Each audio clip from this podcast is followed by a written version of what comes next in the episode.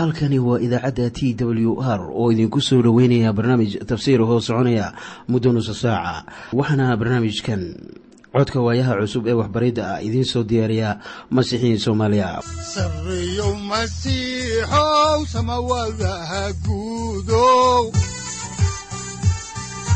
Siraadkii adduunkow subanaha eebow sareyow masiixow samawadaha guudow siraadkii subanaha eebow adigoo samada jiro ifkaan soo saldhiganba adigoo soo saldhiganba kutubtiisanaye udanogu saaciiday sharxin sifahaaga ku soo dhowaada dhegaystayaal barnaamijkeenna dhammaantiinba waxaan horay u sii ambaqaadi doonnaa daraasaadkii la magac baxay baibalka dhammaantii waxaannu caawa idiin sii wadi doonnaa cutubka siddeed iyo labaatanaad oo aynu kaga gudbi doonno kan sagaal iyo labaatanaad ilaa iyo kan soddonaad waxaanse iminka wada dhegaysanaynaa khasiido ay inoogu luqeeyaan masiixiyiin soomaaliyeed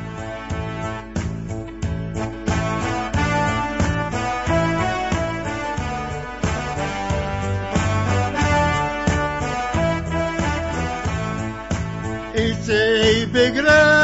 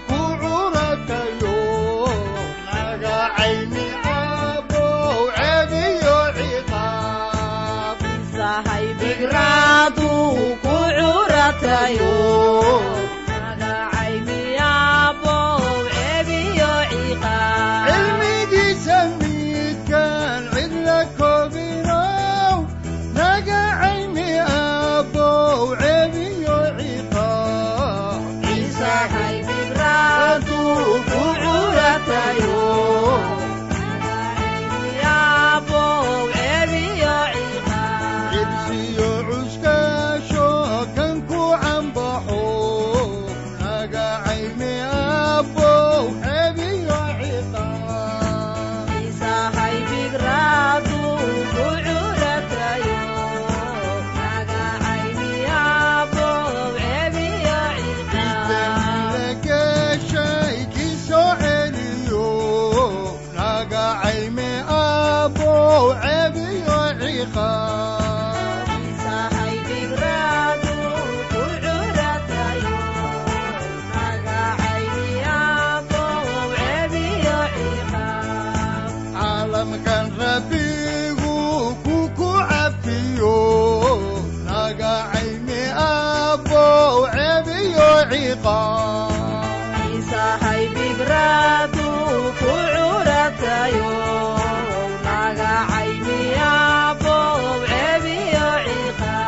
masiixi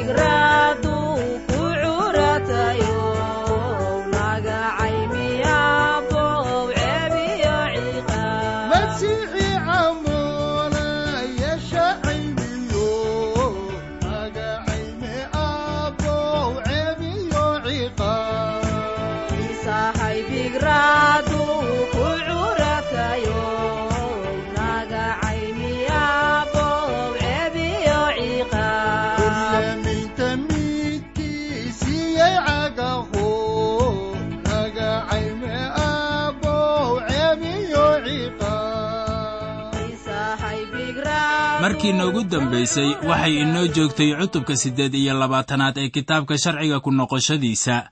Waxay inoo joogtay habaarka la habaaray reer banu israa'iil.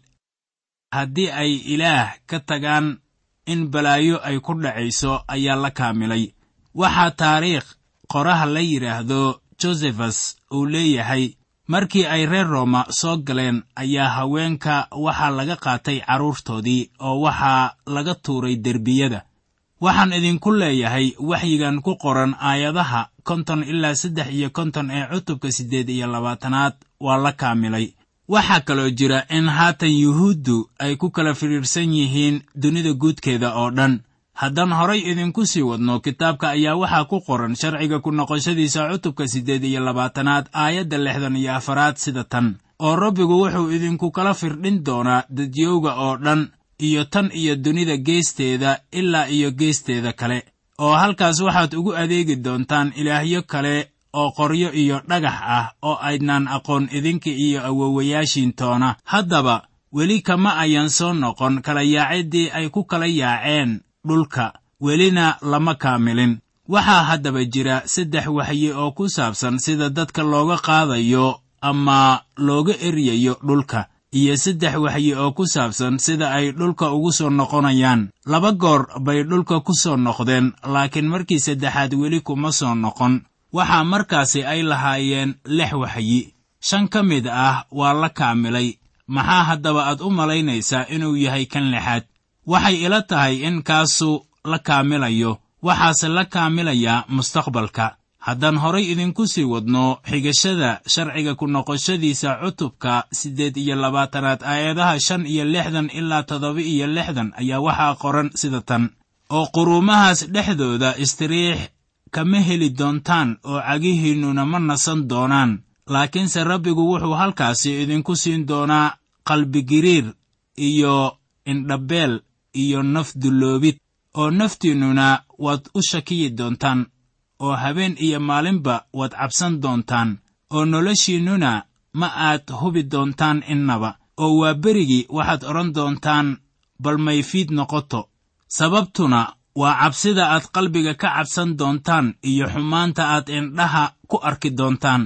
Waxyaabahaas oo dhan waa la wada kaamilay kadib markii xasuuqaas oo dhan lagu sameeyey reer banu israa'iil wakhti dheer. Taana waxaa sabab u ahaa natiijada addeeciddarradooda wax nasasho ah ma haystaan laakiin xagga niyadda ayay ka gariirayaan.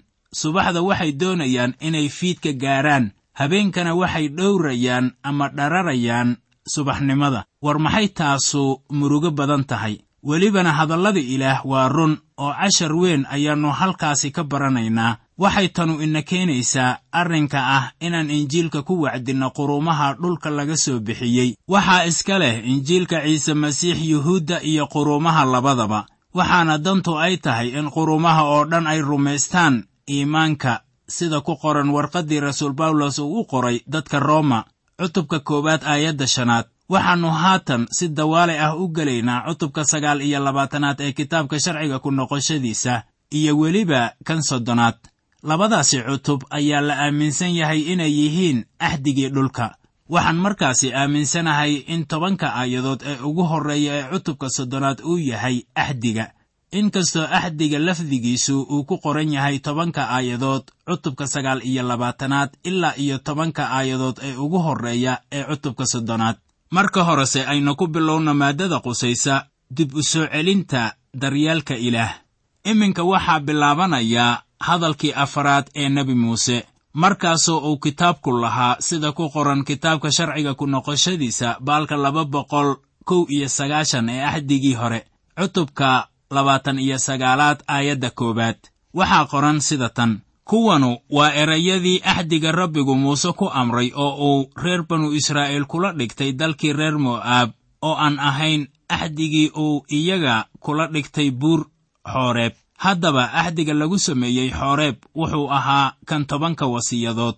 Amase waxa aynu ka garanayno sharcigii muuse.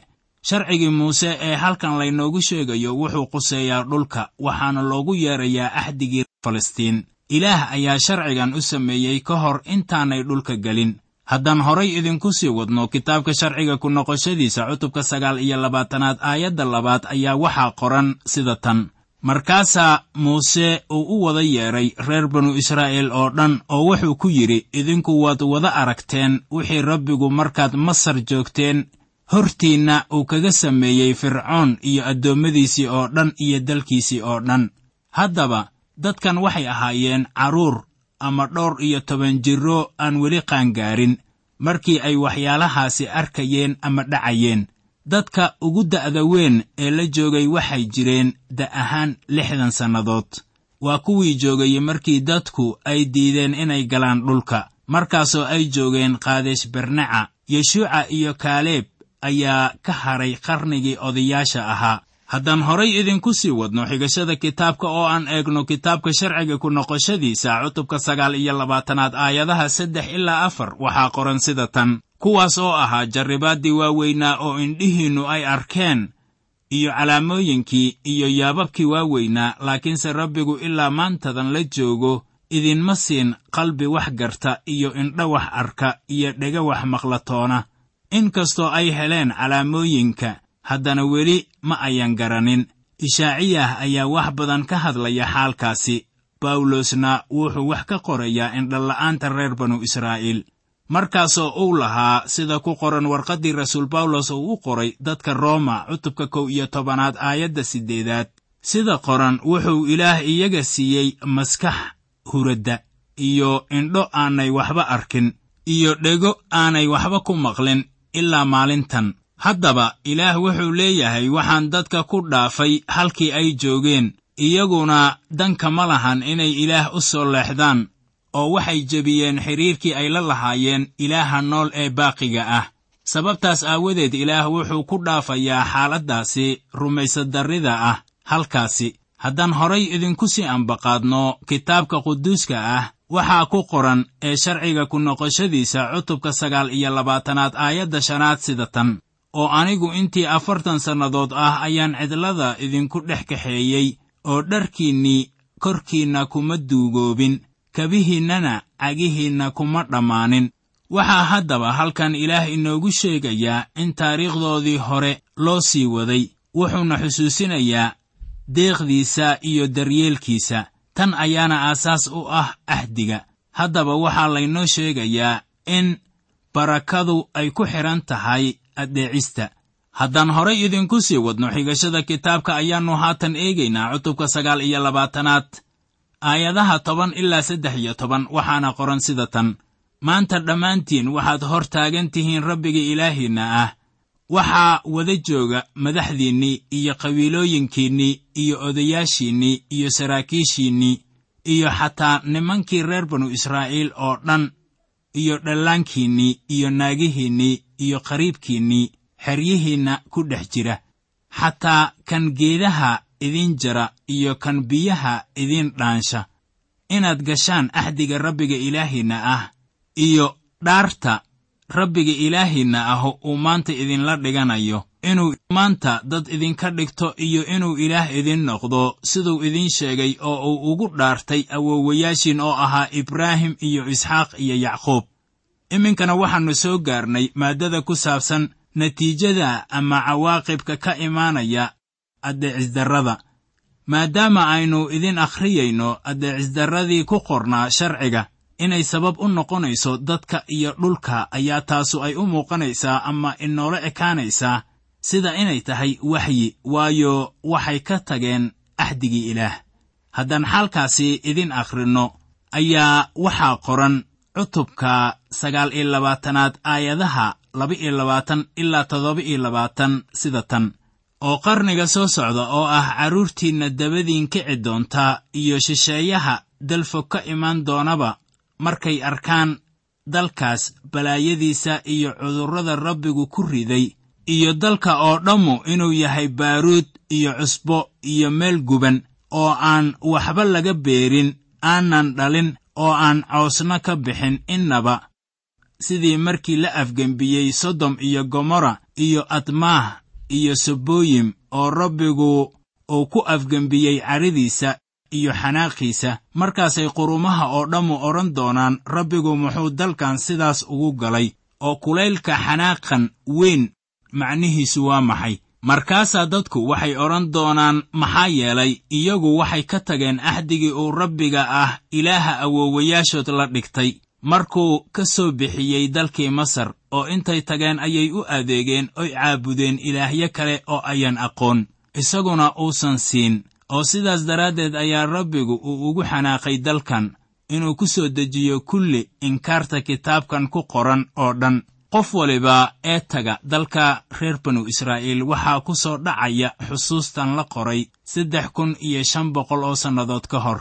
Mar kastoo qof waliba ee dalka engegnaantiisa eega.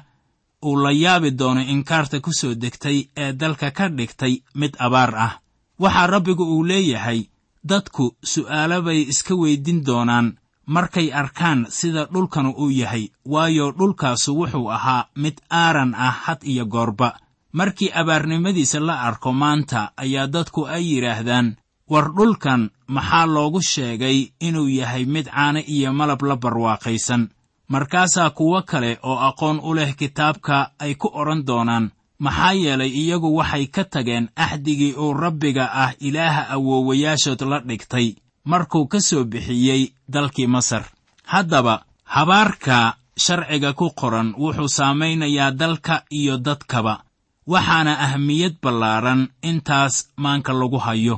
Maalmihii sayidkeenna ayaa waxaa buur saytuun ka buuxay saytuun oo waxay halkaasi ahayd hawd cadowgii u yimid inay dhulka qabsadaan baa goostay geedihii iyo wixii qiimaha lahaa waxayna dhulkii ka dhigeen mid abaar ah wakhti kasta. Ilaah caradiisa kuma dhacayso dadka oo keliya waxaase ay gaaraysaa dalka qudhiisa. Markaas dadka iyo dalku way wada socdaan had iyo goorba oo haddii dadka la habaaro dalkana wuu soo gaarayaa habaarka haddaan horay idinku sii wadno xigashada kitaabka ayaannu soo gunaanadaynaa cutubkan oo aynu idin dulmarnay. Waxaannu hoos u soo daadegaynaa kitaabka sharciga ku noqoshadiisa cutubkiisa sagaal iyo labaatanaad aayadaha siddeed iyo labaatan ilaa sagaal iyo labaatan. Waxaa qoran sida tan oo rabbiga dhulkoodii ayuu kaga rujiyey cadho iyo xanaaq iyo dhirif weyn oo wuxuu ku dhex tuuray dal kaleeto siday maantadan tahay waxyaalaha qarsoon waxaa iska leh rabbiga ilaaheenna ah laakiin waxyaalaha la muujiyey waxaa iska leh innaga iyo carruurteenna weligeenba inaan sharcigan ereyadiisa oo dhan yeelno. Waxaannu haddaba dhegaystayaal si dawaale ah idinku bilaabaynaa cutubka soddonaad ee kitaabka sharciga ku noqoshadiisa oo mawduuciisa uu yahay axdigii dhulka falastiin. Waxaannu iminka nimid axdigii dhulka falastiin kaasoo ilaah uu la samaystay reer banu israa'iil waa barako aan shuruud ku xidhnayn waxyiga ku saabsan barakada u taalla mustaqbalka. Si bal xaalkan wax aan kaga ogaanno ayaa loo baahan yahay inaan isla eegno kitaabka sharciga ku noqoshadiisa cutubka soddonaad aayadaha kow ilaa labo ee baalka laba boqol saddex iyo lixdan ee ahdigii hore. Waxaana qoran sida tan oo markii waxyaalahan oo dhammu ay idinku dhacaan kuwaas oo ah barakada iyo inkaarta aan idin hordhigay oo aad ku xusuusataan qurumaha rabbiga ilaahiinna ahuu idinku kaxeeyey dhexdooda oo dhan oo aad rabbiga ilaahiinna ah u soo noqotaan oo aad idinka iyo carruurtiinnuba qalbigiinna oo dhan iyo naftiinna oo dhan ku addeecdaan codkiisa iyo waxyaalahan aan maanta idinku amrayo oo dhan waxaa halkan ku qoran toddoba ballan uu ilaah halkan inoogu sheegayo ama uu ku galay wuxuu iminka inoo sheegayaa toddobadan ballan ee aan shuruudda ku xidhnayn aayadda koowaad waxay inoo sheegaysaa in qurumaha lagu kala yaacin doono. Qurumaha ayaa dhulka midhihiisa qaadan doona. Addeecisdarradii lagu sameeyey aawadeed taasuna waa dhacday. Aayadda labaad ayaa waxaa ku qoran inay mustaqbalka helayaan reer banu israa'iil marka la eego toobadkeenkooda dambe iyo addeecistooda waxaase taasu ay ku imaanaysaa hanuunka nimcada mase ahaan waxa ka imaanaya sharciga. U soo noqon maayaan addeecistooda aawadeed laakiin waxay noqonayaan kuwo ilaah addeecsan marka ay soo noqonayaan. Ilaah wuxuu ku soo celinayaa dhulka. Haddaba in israa'iil ay ku soo noqonayso dhulka ayaa waxaa lagu sii sheegay laba iyo toban waxyi oo ku qoran axdigii hore. Mar kastoo aynu soo gaarno ayaannu dareenkiinna u soo weecinaynaa kuwaas haddaan horay idinku sii wadno xigashada kitaabka ayaa waxaa habboon inaan isla eegno kitaabka sharciga ku noqoshadiisa cutubka soddonaad aayadda saddexaad waxaana qoran sida tan.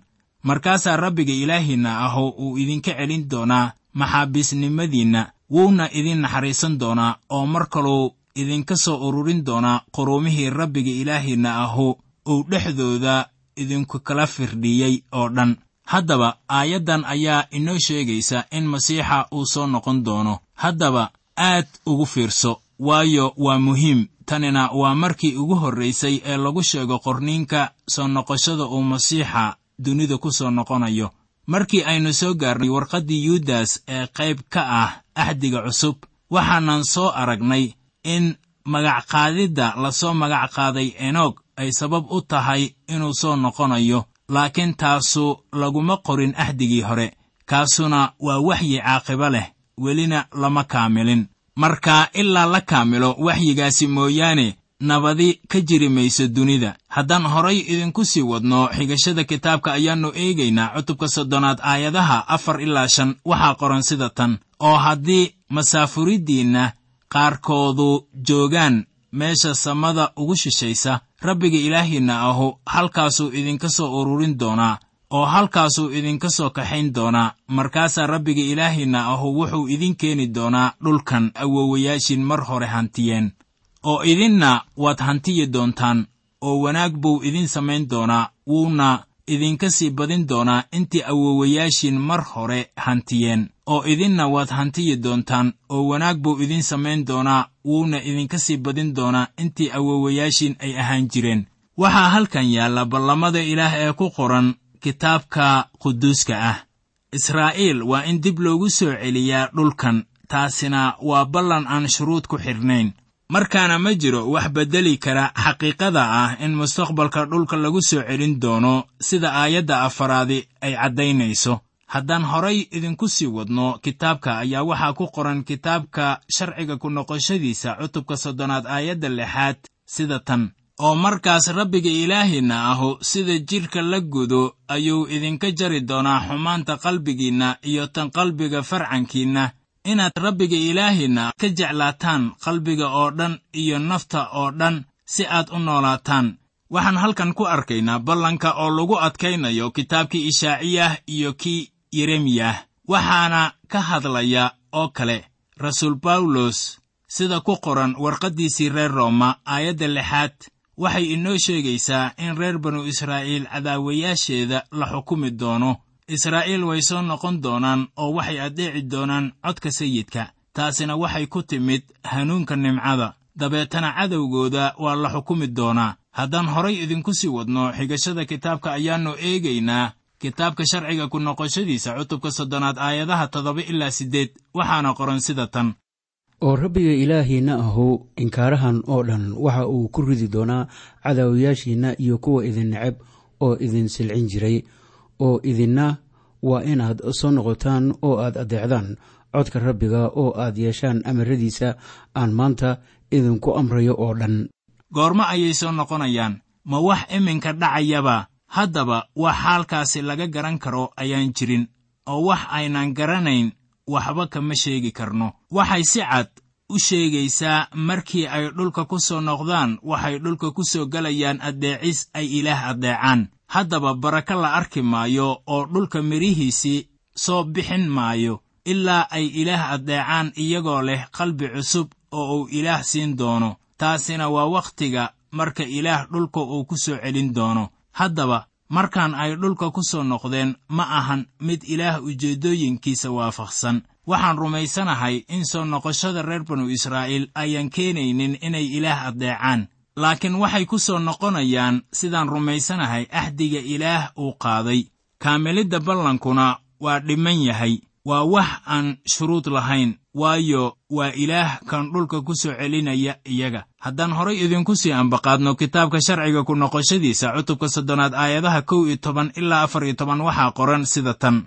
Waayo amarkan aan maanta idinku amrayo ma ahan mid aad idinku adag. Mana ahan mid idinka fog oo samaddana kuma uu jiro si aad u tidhaahdaan bal yaa samada noo kori doona oo noo keeni doona oo na maqashiin doona aannu amarkaasi yeelne. Oo baddana kama uu shisheeyo si aad u tidhaahdaan bal yaa baddana hadda nooga gudbi doona oo noo keeni doona oo na maqashiin doona aannu amarkaasi yeelne. Laakiin eraygii waa idin dhow yahay wuxuuna ku jiraa afkiinna iyo qalbigiinna inaad yeeshaan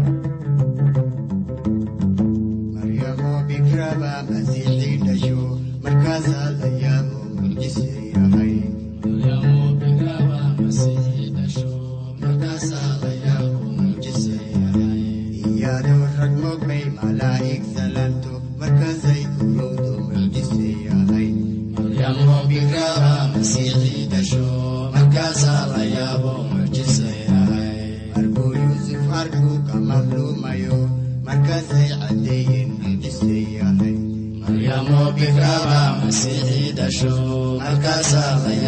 mucjise yahay digdii masiixa maqaawiir arkeeno markaasay caddeeyeen mucjise yahay boqorkii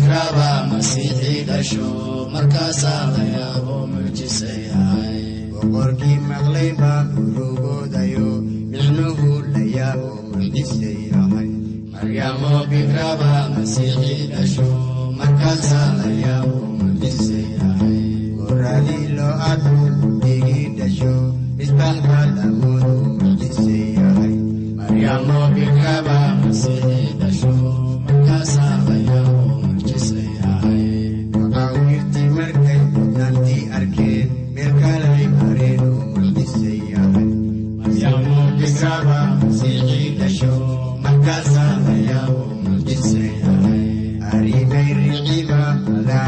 sheegto markaasay siyarteen mucjise yahay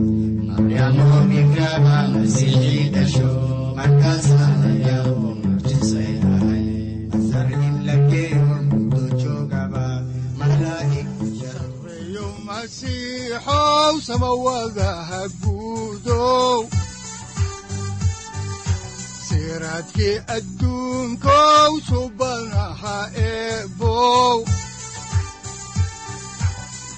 adigoo samada jiro ifkan soo saldhiganba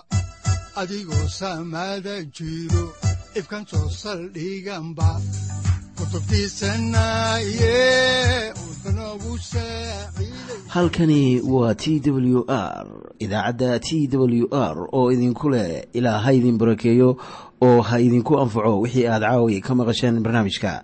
Waxaa barnaamijkan oo kalea aad ka maqli doontaan habeen dambe. Hadahan oo kale haddiise aad doonaysaan in aad fikirkiina ka dhiibataan wixii aad caawi maqasheen ayaad nagala soo xiriiri kartaan som t w r at t w r c o k e haddii aad doonaysaan in aad dejiisataan oo kaydsataan barnaamijka ama aad mar kale dhegaysataan fadlan mar kale booqo www t w r o r g amase www t t b t w r o r g. Amase waxaad teleefoonkaaga ku kaydsataa ama ku download garaysataa agabyada ku sahli karaa dhegeysiga t w r haddii aad doonayso in laga kaalmeeyo dhinacyada fahamka kitaabka amase aad u baahan tahay duco fadlan fariimahaaga soo mari bogga aaraahda ama kommentska inana jawaab degdeg ah ayaanu ku soo diri doonaa amase ku siin doonaaye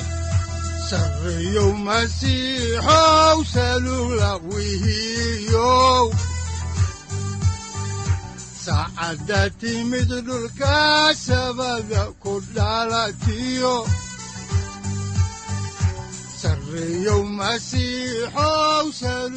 halkani waa t w r oo idiin rajaynaya habeen baraare iyo barwaaqaba leh. Inta aynu ka gaari doono wakhti aynu ku kulanno barnaamij la mida kan caawayay aad maqasheen. Waxa aan idinku leeyahay nabadda ciise masiix ha idinku badato xagga jidhka iyo ruuxaba. Aamiin